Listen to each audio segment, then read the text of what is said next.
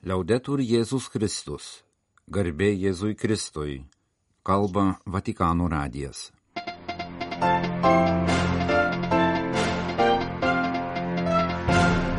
Malonus klausytojai šioje sekmadienio vasario ketvirtosios programoje. Popiežius vadovavo sekmadienio vidudienio maldai. Pranciškaus sveikinimas žmonių brolybės dienos proga naujas veikalas su popiežiaus pratarme.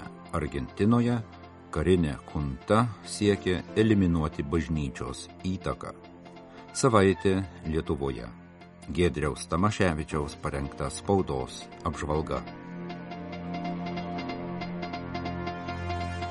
Il Vangelo della liturgia ci mostra Gesù in movimento Sekmadienio liturgijos evangelija parodo keliaujantį Jėzų.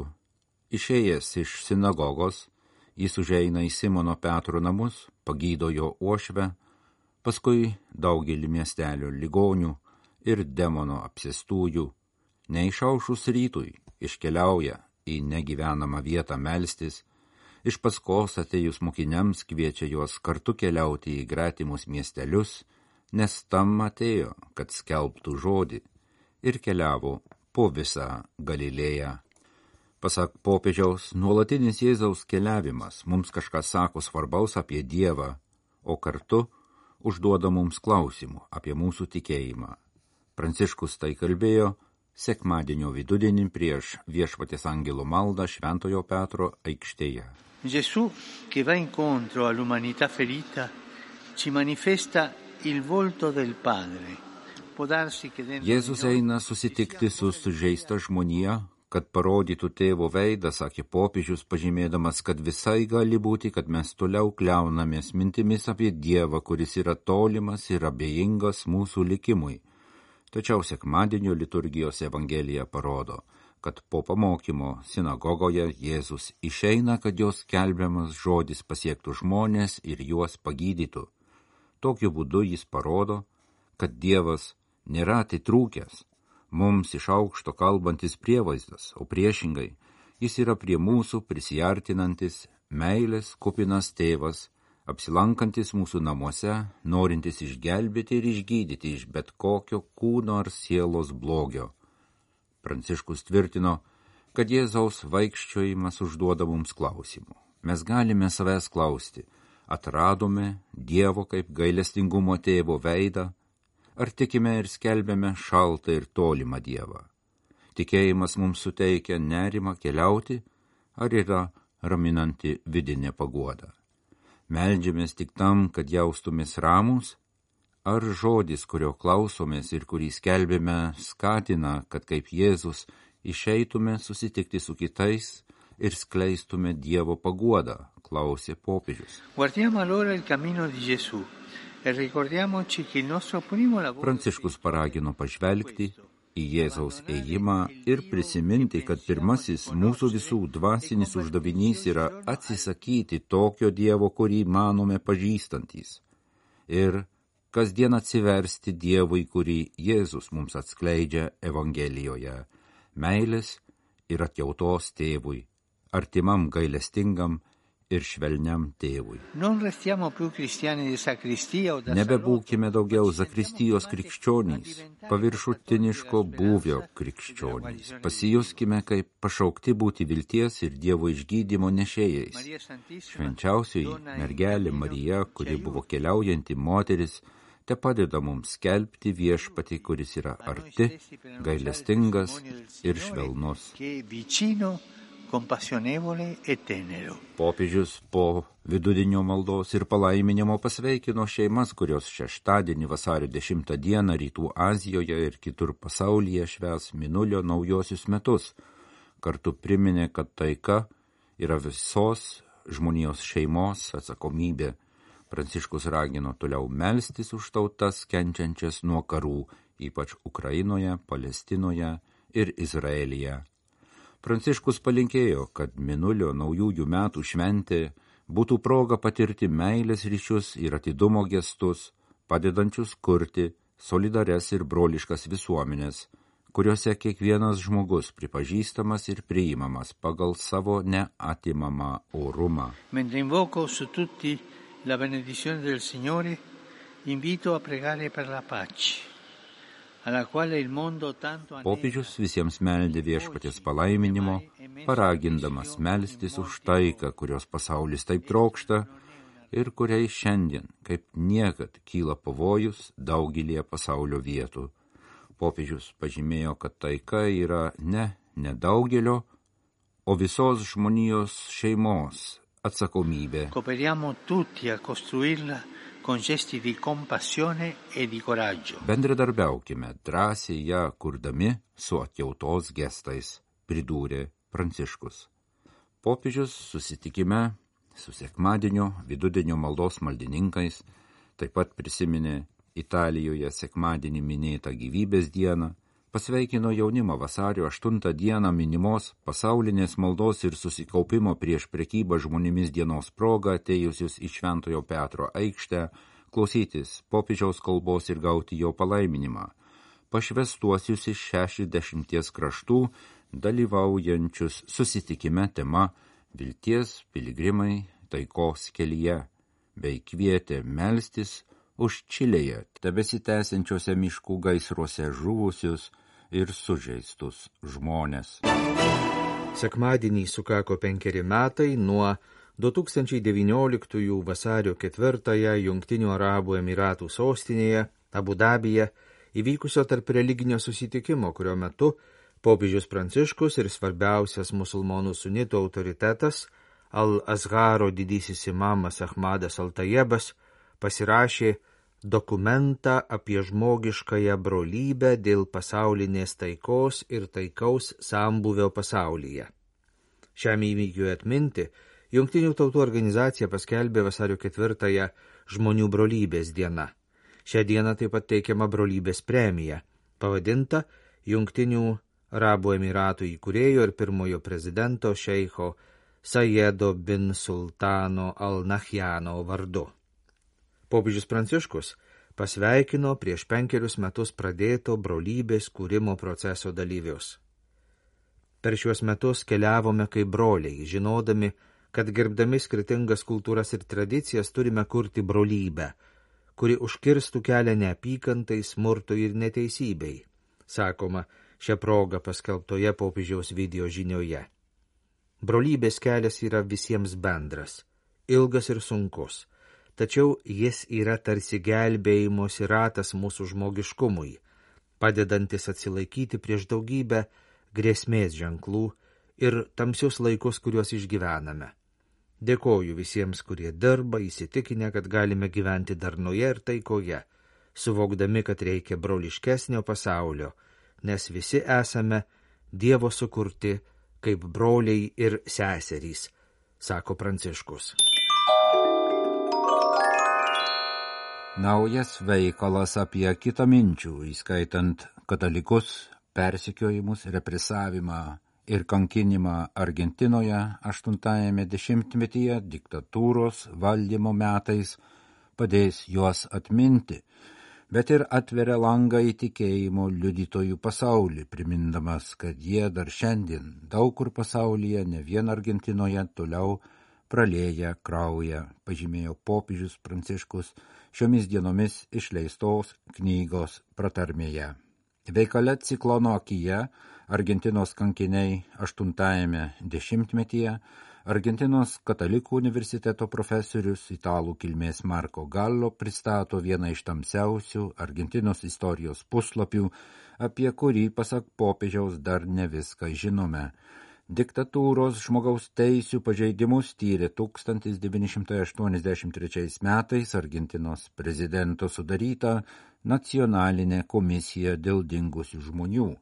Komisijai pavesta surinkti žinias apie be pėtsako dingusius pagrobtus ir huntos kankintus asmenys, pagal jos išvadas pristatytas ataskaitoje nunkamas, niekados daugiau, pradėta teisminė byla karinės huntos nariams. 1984 metais paskelbtoje ataskaitoje nustatyta, kad tyriamame laikotarpyje dingo beveik 9 tūkstančiai žmonių.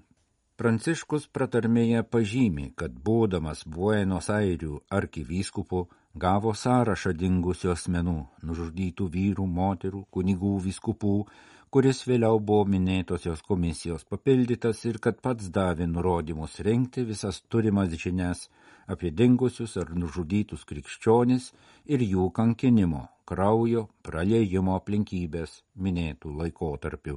Popiežius pridūrė, kad jis asmeniškai skatino profesorių Marko Gallo tęsti tyrimą kuris pristatytas šiame veikale.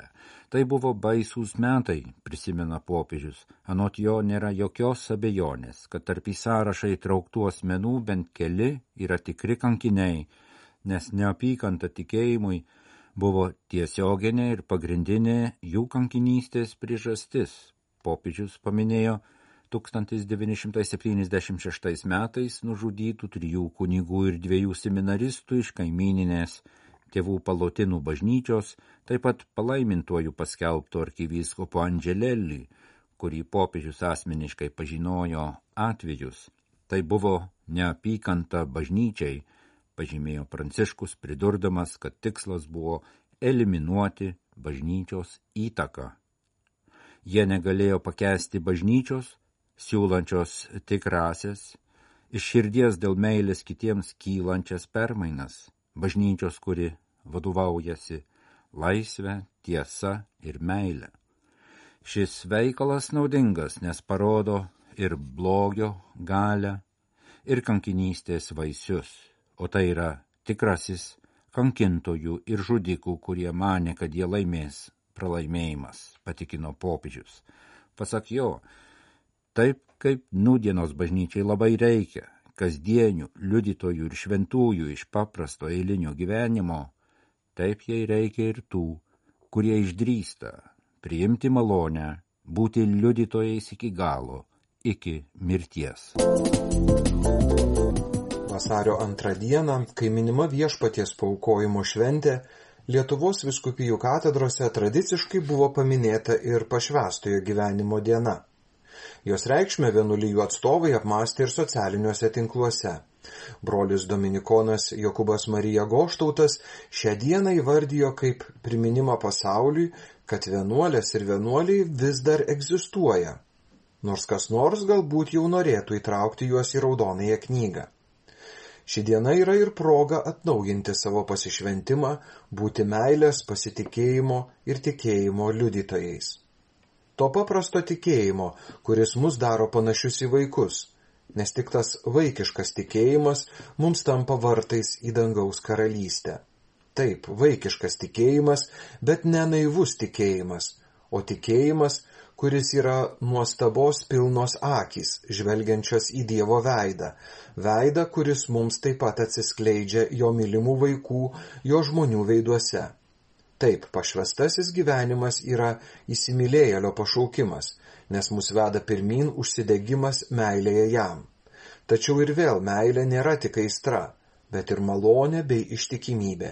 Malonė ir ištikimybė yra dvi kojos, ant kurių mes stovime savo pašaukime. Ir ne tik stovime, bet ir kaip vaikai mokomės vaikščioti ir nešti kitiems šią malonę bei ištikimybę. Ir tai vėlgi yra liudijimas kitiems, tiems, kuriuos Dievas pašaukė taipogi meiliai, tačiau būtent jiems skirtame kelyje, rašė brolis Jokūbas Marija Goštautas. Nukryžiuotojo Kristaus seserų kongregacijos sesuo Viktorija Vaidogaitė atkreipė dėmesį į tai, kad pašvestieji asmenys ne tik vienuolės ir vienuoliai, pamažu keliaujantis trijų įžadų kelionę, bet ir visi, kurie per nuoseklios kasdienybės pasirinkimus gyvena pažadu, gyva atmintimi, kad Dievas yra didžiausia ir vienintelė meilė. Pavyzdžiui, kasdien ligoninėje dirbantis gydytojai tyliai pasirinkę nesituokti dėl Kristaus. Pašvestasis gyvenimas pirmiausia yra ramybė ir nuoseklumas santykyje su Dievu, savimi ir kitais. Tas, kuris neturi ramybės, nuolat ieškos pakaitalų. Taip buvo ir bus. Nieko mūsų amžius neipatingas nebent dabar pagaliau turime bent minimalius įrankius siekti bažnyčios skaudulių išvalymo. Ir tą reikia padaryti. Pašvestasis asmuo pamažu auga ne vaškinių šventųjų tobulumo siekime, bet meilėje. Viso asmens integralumas nėra įdėktų elementų suma, bet tapatumas. Ir šis skirtas ne kiekvienam. Todėl kartais žmonės atiduoda savo gyvenimą Kristui, o paskui beveik per vėlai atsijima. Nes neužtenka vien idealistinių svajonių ar noro kur nors save prasmingai, patogiai ar tiesiog pagaliau padėti. Pašaukimas yra ir apie žmogaus galimybės juo gyventi. Kaip medicina yra tiems, kurie gali kasdien ją praktikuoti. Juk chirurgais turi tapti tie, kuriems duota. Tuomet gelbėjamos gyvybės. Netinkamas asmuo operacinėje būtų didelė rizika pacientams tikra katastrofa. Pašvestojo gyvenimo dienos proga rašė sesuo Viktorija Vaidogaitė. Sausio 31 dieną dienraštis Bernardinai LT paskelbė Andriaus Navicko straipsnį Teisuoliška krikščionybė nėra ortodoksija. Jame autorius apmasto nuo senų laikų dalies krikščionių patiriamą pagundą savo tiesą įrodinėti kirviu. Jei pažvelgsime į tuos argumentus, kurios pateikia didžioji dauguma Lietuvo žmonių, įvardijančių save kaip krikščionis, išgirsime aišku disciplinuotos visuomenės sampratos motyvą. Religija esą suteikia įprastą dekorą žmogaus gyvenimo tarpsnių ritualams.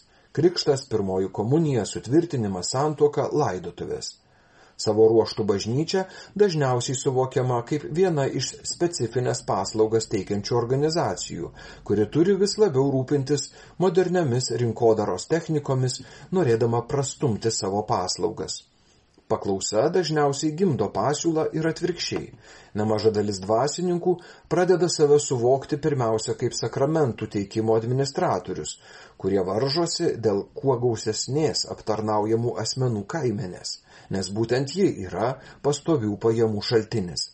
Beje, taip pat ir didelė dalis tėvų Lietuvoje įsitikinę, kad tikybos pamokų tikslas pirmiausia yra padaryti mokinius geresnius, paklusnesnius. Svarbiausia, kad šie išliktų disciplinuoto religingumo ribose, nenuslystų į fanatizmą, tai yra nepradėtų iš tiesų taip gyventi, tarsi Dievas būtų gyvas čia ir dabar. Nebejoju, kad krikščionybė gali padėti žmogui būti geresniam, tačiau kur kas svarbiau, jog jį gražina Dievo vaiko laisvę. Ji yra kur kas daugiau nei moralės teorija, tai išganimo kelias. Krikščionybė svarbi ne kaip priemonė siekiant kitų tikslų, bet kaip kelias į visą vertį gyvenimą. Visos kitos jos dovanos kur kas mažiau reikšmingos. Dienraštie Bernardinė LT rašo Andrius Navickas. Vasario 3 dieną Vilniaus Šventojo Juozapo kunigų seminarijoje vyko forumas apie sinodą ir sinodiškumą, kad būtume gyva bažnyčia. Jame dalyvavę viskupai, teologai, mokslininkai ir aktyvūs sielovados darbuotojai prisiminė sinodų reikšmę bažnyčios istorijoje, apžvelgė pastaraisiais metais nueitą sinodinį kelią, apmastė, ką reiškia būti į santyki orientuota bažnyčia, kaip spręsti pasitikėjimo iššūkius kokia savi evangelizacijos reikšmė. Giedrius Tamaševičius, Vatikano radijui iš Vilniaus.